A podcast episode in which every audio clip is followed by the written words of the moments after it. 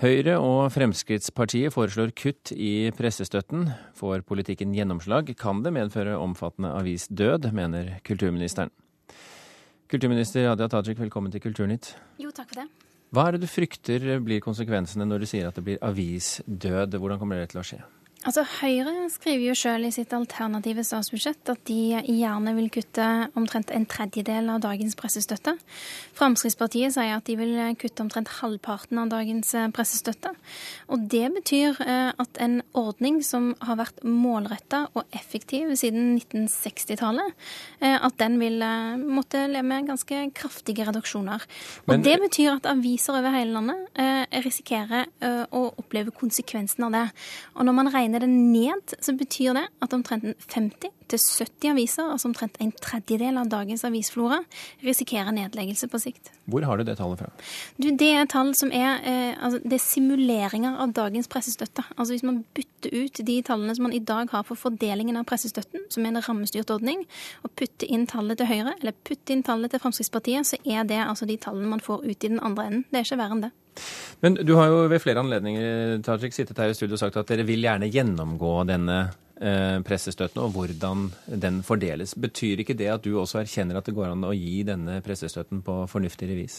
Det er stor forskjell på å legge om pressestøtten sånn at den òg gjelder for digitale utgivelser, sånn som vår regjering vil. Og det er noe som vi tar sikte på at skal få effekt allerede fra 1.1.2014, sånn at den blir mer rettferdig, mer i takt med det som er den moderne virkeligheten. Samtidig som vi har styrka den gjennom flere år. og jeg ser for meg at vi kommer til å fortsette å styrke den. Og det er stor forskjell på det og det å si det som Høyre og Fremskrittspartiet sier, nemlig at de vil foreta kutt i pressestøtten fra ett år til et annet. Olemic Thommessen, eh, kulturpolitisk talsmann fra Høyre og med oss i studio fra Lillehammer. Eh, ser du også for deg at dette blir scenarioet hvis eh, Høyre kommer til makten og kutter 100 millioner kroner? Ja, nå Nei, jeg gjør ikke det.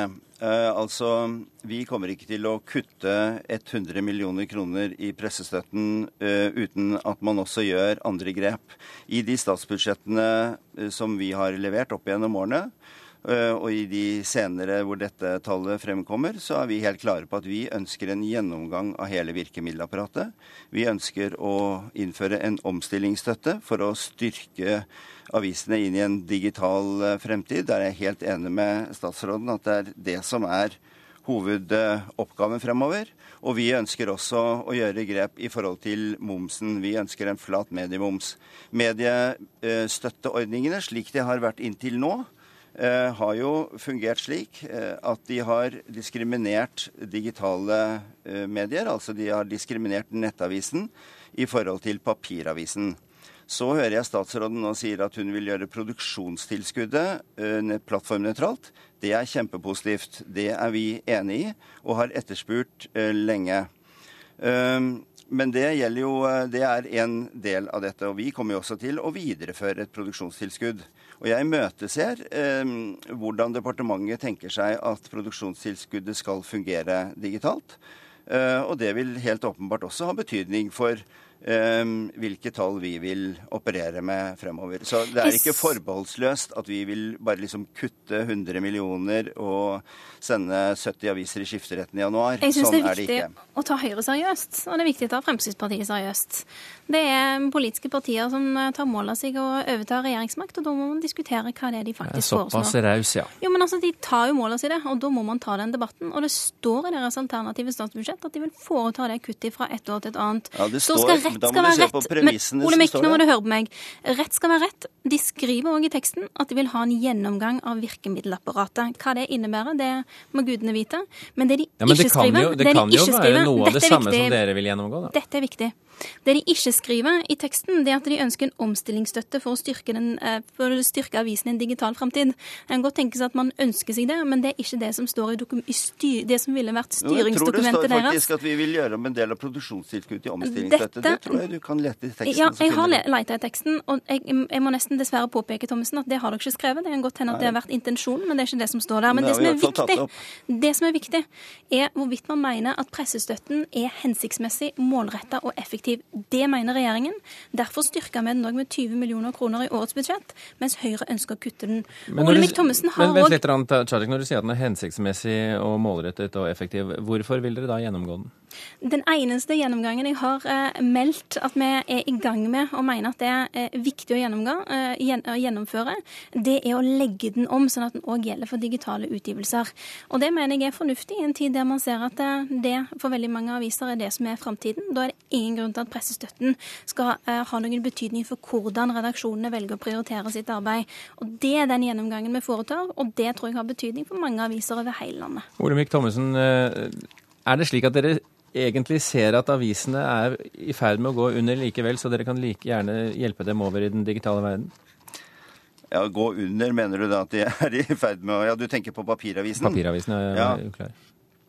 Nei, jeg tror vi kommer til å ha papiravis i mange år enda. Men det vil være et balansepunkt mellom, um, mellom papir og nett. Altså, og det vil sikkert følge litt generasjonene fremover. Vi vet jo at yngre generasjoner er, er ivrigere på å bruke nettet enn kanskje de eldre. Men um, men hvordan ser du for deg eh, avisverdenen eh, under en eventuell høyreregjering, da? Eller en høyre Nei, Jeg tror ikke det blir så veldig stor forskjell fra nå. Men vi vil prøve å, å bidra til å Vi vil ha en mer aktiv politikk i forhold til det å, å um, stimulere til uh, nett.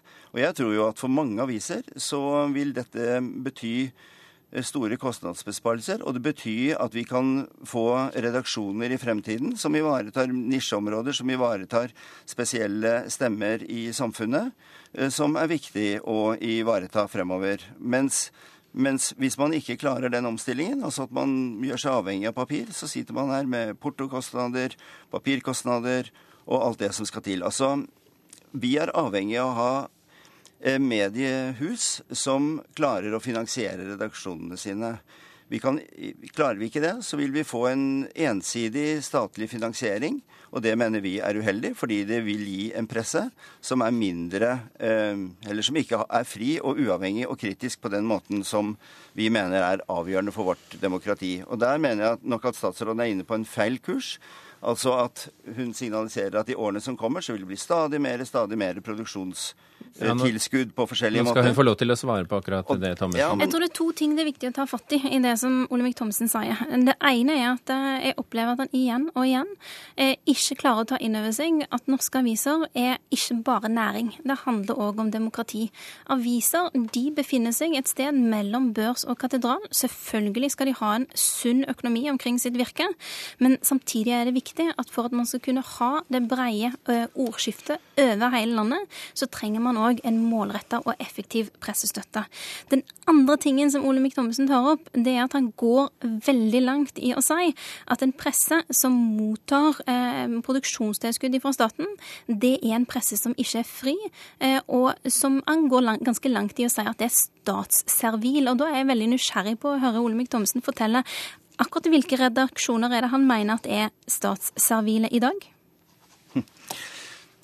Altså, Det er ingenting som heter en fri lunsj, og det er klart at uh, redaksjoner som vet at de er helt avhengig av mediestøtte, de vil også selvfølgelig se hen til de partiene som, eller støtte opp under de partiene som uh, som vil gi mer pressestøtte. Altså det, dette er nokså enkel pedagogikk. Wow. Men, vet, men vet, vet, du dette, nei, det eller bare ikke, sier det, du det? Nei, dette bare sier jeg. Og dette tror jeg faktisk at det er naturlig å tenke. Altså, men nå er... sier jo Olemic Thommessen at alle avisene som i dag mottar produksjonstilskudd, er statsservile. Nei, nei da, det sier jeg ikke.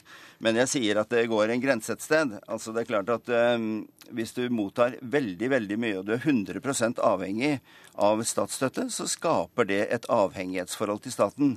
Det tror jeg er um, Det trenger man ikke stor forskning for å, å, å skjønne.